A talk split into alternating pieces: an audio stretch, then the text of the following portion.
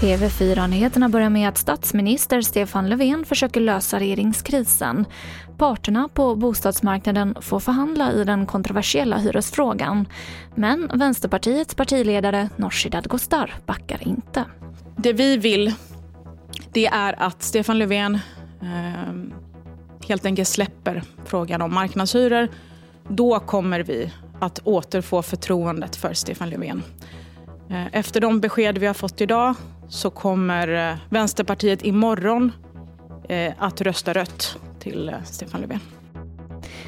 Västernorrland räknar med att börja vaccinera alla från 18 år och uppåt veckan efter midsommar.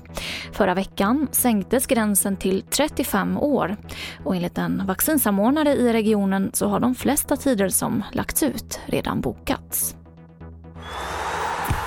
Och vi avslutar med fotbolls-EM för trots två konstaterade coronafall så bröt Sverige EM-bubblan när man tog in tre frisörer till laget inför mötet med Slovakien. Detta enligt Fotbollskanalen. Allt var bokat sedan tidigare och under ordnade former, det sa Mikael Lustig under en pressträff idag. Och nästa gång vi ser Sverige spela är nu på onsdag när de möter Polen. Och det var det senaste från TV4 Nyheterna. Jag heter Emily Olsson.